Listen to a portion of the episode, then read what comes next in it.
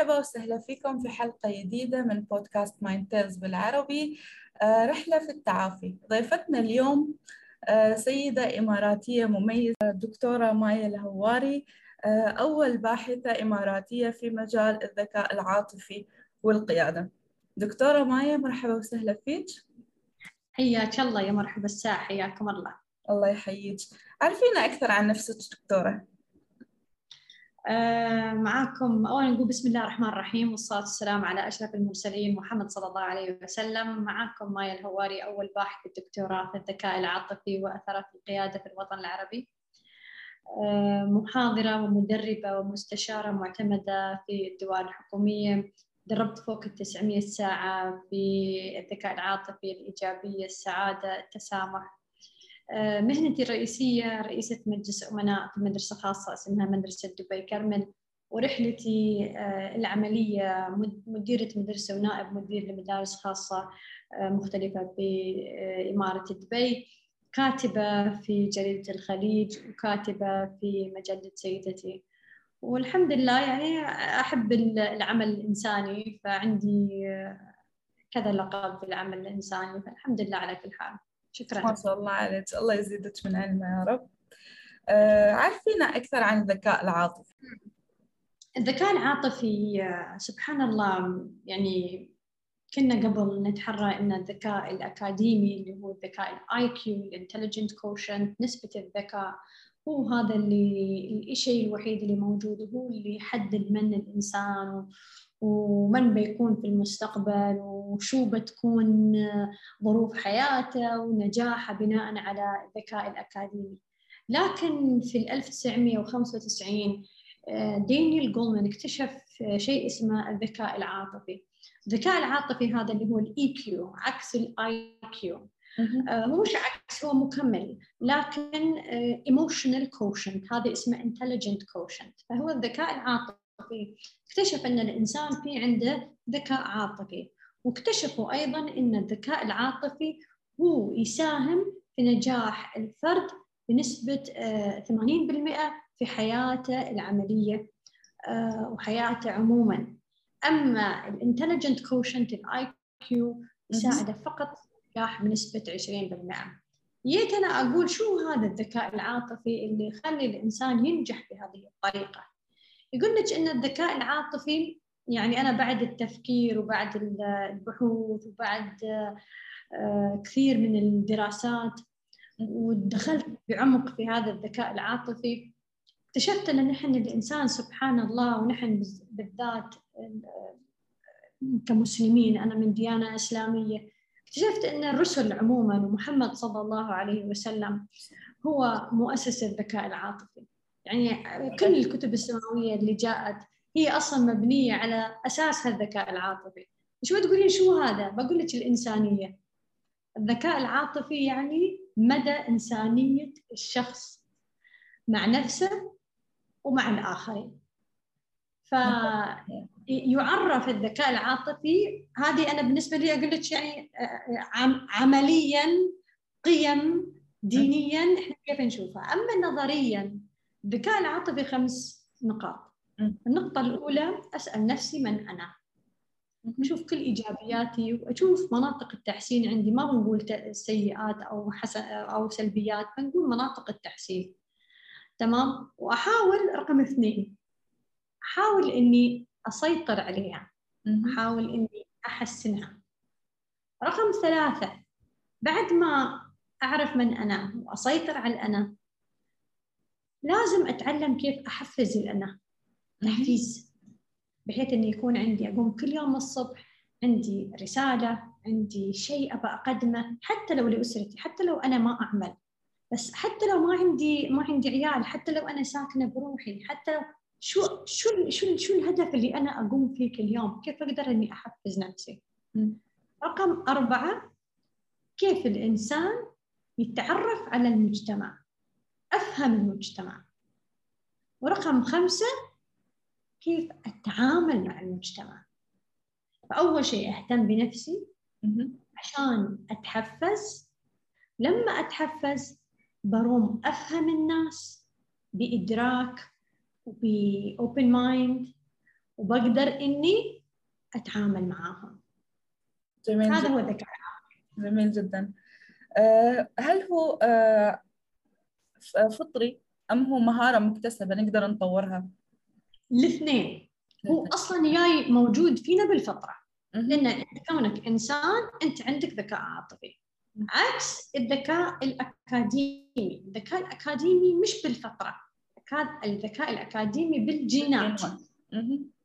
فاذا أنت عندك جينات آه، دكاتره من حولك ما أدري كيف بتطلع ذكية. زين فهالشيء وهو مش هالشيء اللي يعرف من هو الإنسان. ما هو هذا الشيء اللي يقيم من أنت. كلنا عندنا ذكاء عاطفي فهو فطري لكن مع ظروف الحياة مع آه، آه، التعاسة الحزن. أو الفرح السعادة النجاح عندك الذكاء العاطفي هذا يتطور. بناء على الظروف اللي تحصل فالذكاء العاطفي ممكن ينزل إذا الإنسان أحبط. مم. ممكن يعيش في هاي دائرة الإحباط. أنت عندك ذكاء عاطفي إنك تطور الإحباط وتطلع منه. بس أنت ما ياس تستخدمه. الذكاء العاطفي عندك ينزل. في ناس بعد الذكاء العاطفي في النجاح والسعادة. ممكن النجاح يكبر من.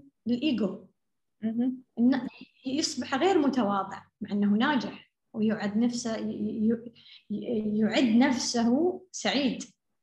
لكن يشوف نفسه على الناس. فهني الذكاء العاطفي أيضا نزل. متدني. نعم. لأن أنت ما تتعامل بإنسانيتك. نجاحك هذا للناس صح لنفسك. لكن ما أي لأن في النهاية لازم أتعامل مع الغير. فهذا هو الذكاء العاطفي. ف... فكلنا عندنا ذكاء عاطفي لكن هو مكتسب وشيء لازم تشتغلين عليه كل يوم صحيح عندي سؤال آه، هل الذكاء العاطفي يحدد كيف الناس تعاملني؟ يعني مش بس أنا كيف أعاملهم هل هو يحدد كيف هم الآخرين يعاملوني؟ أكيد سؤال وايد حلو لأن دائما إحنا نقول أنت تفرض نفسك على الناس من ناحية أخلاقك من ناحية أسلوبك في التعامل فالإحسان يولد إحسان م. والسيء يولد أكيد م- يعني سوء. فدام أنك أنت تتعامل بما يرضي الإنسانية بما يرضي الله بما يرضي الضمير فأنت هني تتعامل مع آه، بشر لازم تستوعب هذيلا بشر أو خلينا نقول مخلوقات المخلوقات عموما. لازم أنك أنت تستوعب أن هذه أنا أتعامل بإنسانيتي مم. فأفرض نفسي على الناس بإنسانيتي وأنا أقدر أفرض نفسي على الناس بعصبيتي وأخليهم ترى هو رياكشن. أنت شو تسوين بالضبط فردود فعل الناس هي مرآتك. جميل تماما كيف كانت بداياتك دكتورة مع الذكاء العاطفي؟ شو اللي خلاك تختاري هالمجال؟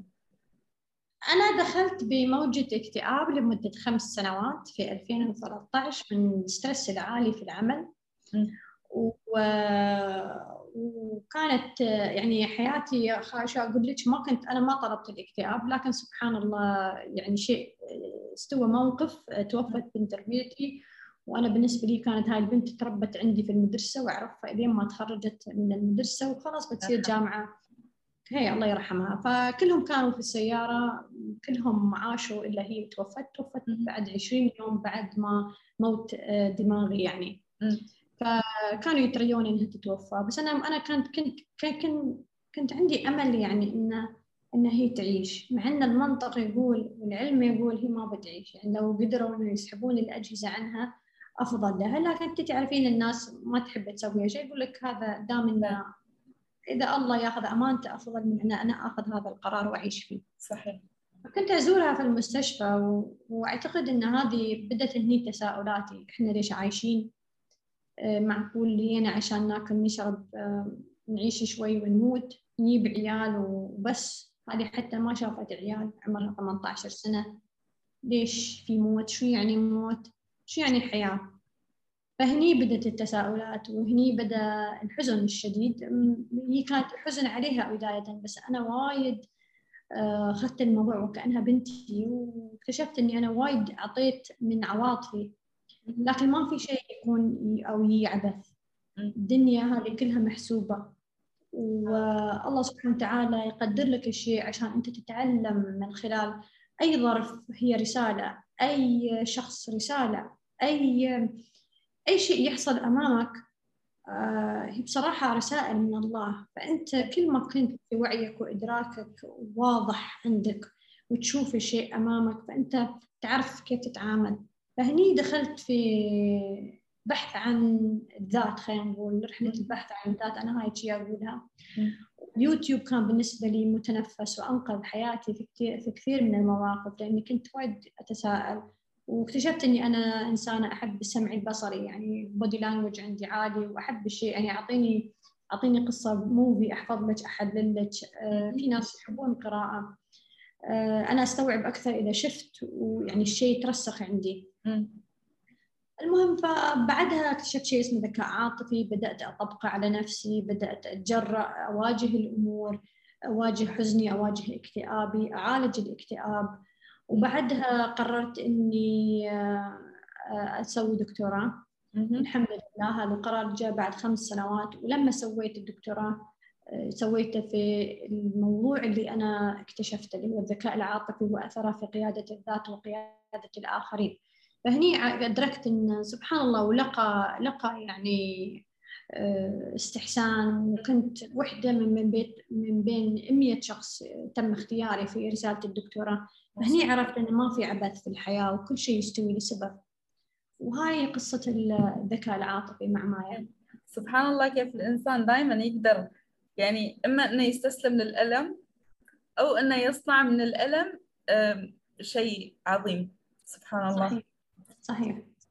زين بالنسبة للذكاء العاطفي شو اللي محتاجينه أكثر على الصعيد المجتمعي؟ يعني يعني مثلا أكاديميا ممكن مثلا في الفترة القادمة يكون في مواد أو كورسات تدرس في الجامعات في المدارس تأهل الطلاب أنهم يكونوا قادرين على بناء علاقات اجتماعية علاقات عملية في المستقبل يكونوا أكثر ذكاء. عاطفيا.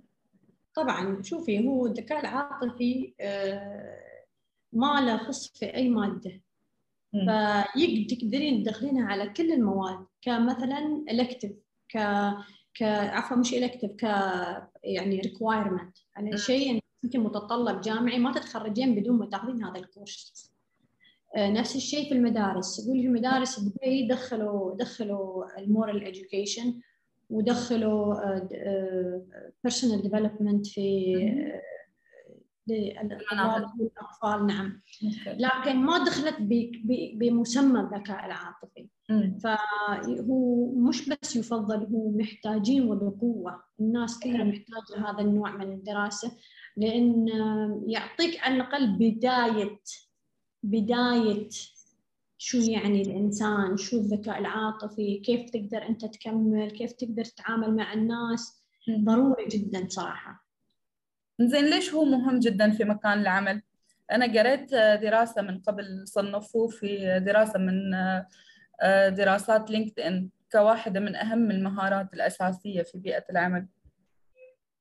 في ال World Economic Forum Report 2018 حطوا الذكاء العاطفي من أهم المهارات لعام 2020 and beyond.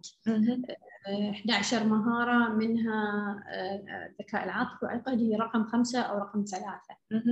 ال World Economic Forum Report الذكاء العاطفي شوفي إحنا اليوم إحنا اليوم ياسين نستخدم نتكلم صح بس نتكلم عبر وسيلة الذكاء الاصطناعي. هذا هاي الأجهزة اليوم تقدر إنها تستغنى عن الإنسان في بعض الوظائف. بعض الوظائف. تمام. في وظائف خلاص استبدلت بالآلة. صحيح. هذا واقع. وحتى الناس كانت خايفة جدا من إنها تتفنش وخلاص ما في وفعلا كثيرين تفنشوا واستغنوا عن البشر وحطوا الآلة لأنها بصراحة أرخص. أنا أعرف إن رب العالمين ما يخلق شيء عبث الناس اللي موجودة كلها عشان تأدي رسالة تأدي خدمة. فاليوم انت الشهادة اللي قبل إحنا مثلا خلينا نقول شخص درس interior design تمام؟ أو business studies اليوم ما في وظيفة له مثلا لهالشخص هذا بهالمجال هذا. فيضطر تضطر يضطر الشخص إنه يحول اللي درسه أربع سنين ويستثمر فيه يتعلم مثلا آي تي لمدة فصل وشغله وعمله تحول من الأربع سنوات اللي الشيء اللي يحبه إلى شيء مضطر يسويه لأنه ما في ما في وظائف في هالمجال. شو أسوي؟ مضطر إني أنا في النهاية لازم أعيش وأشتغل. فالزمن خلينا نقول آه زمن الذكاء الاصطناعي أجبر رقم واحد الناس إنها تغير مهنها. عشان أنت تغيرين مهنتك إلى شيء ثاني تغيير عدو الإنسان. صحيح. والتأقلم صعب. والصبر أصعب. فأنت عشان تغير أنت محتاج تتقبل. محتاج محتاج تتقبل الواقع. الواقع أنت محتاج إنك تغير. مهنتك. فأصبح الشخص عشان يغير لازم تكون عنده ذكاء عاطفي. هذا الذكاء العاطفي يساعدك على إني أتقبل ذاتي. أنا أعرف إني أنا من النوع اللي عنيد من النوع العصبي من النوع اللي ما فيني صبر من النوع اللي ما أتقبل الشيء. لا لا أنا ما أبغى صعب علي التغيير. ها كله ها كله في الذكاء العاطفي رقم واحد من أنا؟ هالشيء يخليك تطور من نفسك وتقدر إنك أنت تكمل. هذا جانب. جانب آخر. لأن الذكاء الاصطناعي خذ وايد من جهود الناس اللي تشتغل آه، في الدوامات. فأصبح دور المدير دوره ما هو دور تشغيلي. تمام؟ دوره إنه يدير البشر. حتى القائد يكون عنده رؤية وإنه يدير البشر. صحيح. أصعب مهنة في الوجود إدارة البشر. أصعب مهنة لأن كل واحد كل حد فيهم جاي من بيئة من ديانة من عرق من جنس بنت ولد وتأبر فهذيلا كلهم محتاجين حد يستوعبهم. صحيح. مو كل حد يقدر يستوعبك. محتاج حد يكون عنده open heart open mind وعنده ذكاء عاطفي عالي. لأن رقم خمسة في الذكاء العاطفي أربعة وخمسة كيف أتعامل كيف أفهم الناس وكيف أتعامل مع الناس. جميل. كيف ممكن نطور ذكائنا العاطفي؟ نصائح شيء خفيفة. ببساطة أول شيء حددي اسألي السؤال من أنا وسوي لك خانتين إيجابية ومناطق تحسين. الإيجابية اشتغلي عليها مو بأن عندي إيجابية وخلاص لا يعني المهارة اللي عندي إياها أعززها. وأكون أفضل نوع من من نفسي أو نسخة من نفسي في هذا المجال. والأشياء اللي هي مناطق التحسين أحاول هذا مناطق التحسين أقدر أحولها إلى الإيجابيات اللي أطورها. ودائما مناطق التحسين تاخذ وقت لأنها هي موجودة متأصلة في الإنسان. مثل ما الإيجابيات متأصلة في الإنسان. الطيبة ما تقدرين تسوين حد طيب تسوينه مش طيب. يعني يباله قسوة وايد عشان تقسو عليه وايد عرفتي كيف؟ عشان هو يطلع شيء ثاني شخص ثاني. نفس الشيء في مناطق التحسين. العنيد وايد صعب إنك تقنعه مثلا بوجهة نظرك. فمحتاج وقت. زين بعدين تحاول إنك تطور منها. يعني أول شيء من أنا بعدين سكند أحاول إني أطور منها أشتغل على نفسي. أشتغل على نفسي هذه محتاجة وقت طويل. محتاجة صبر.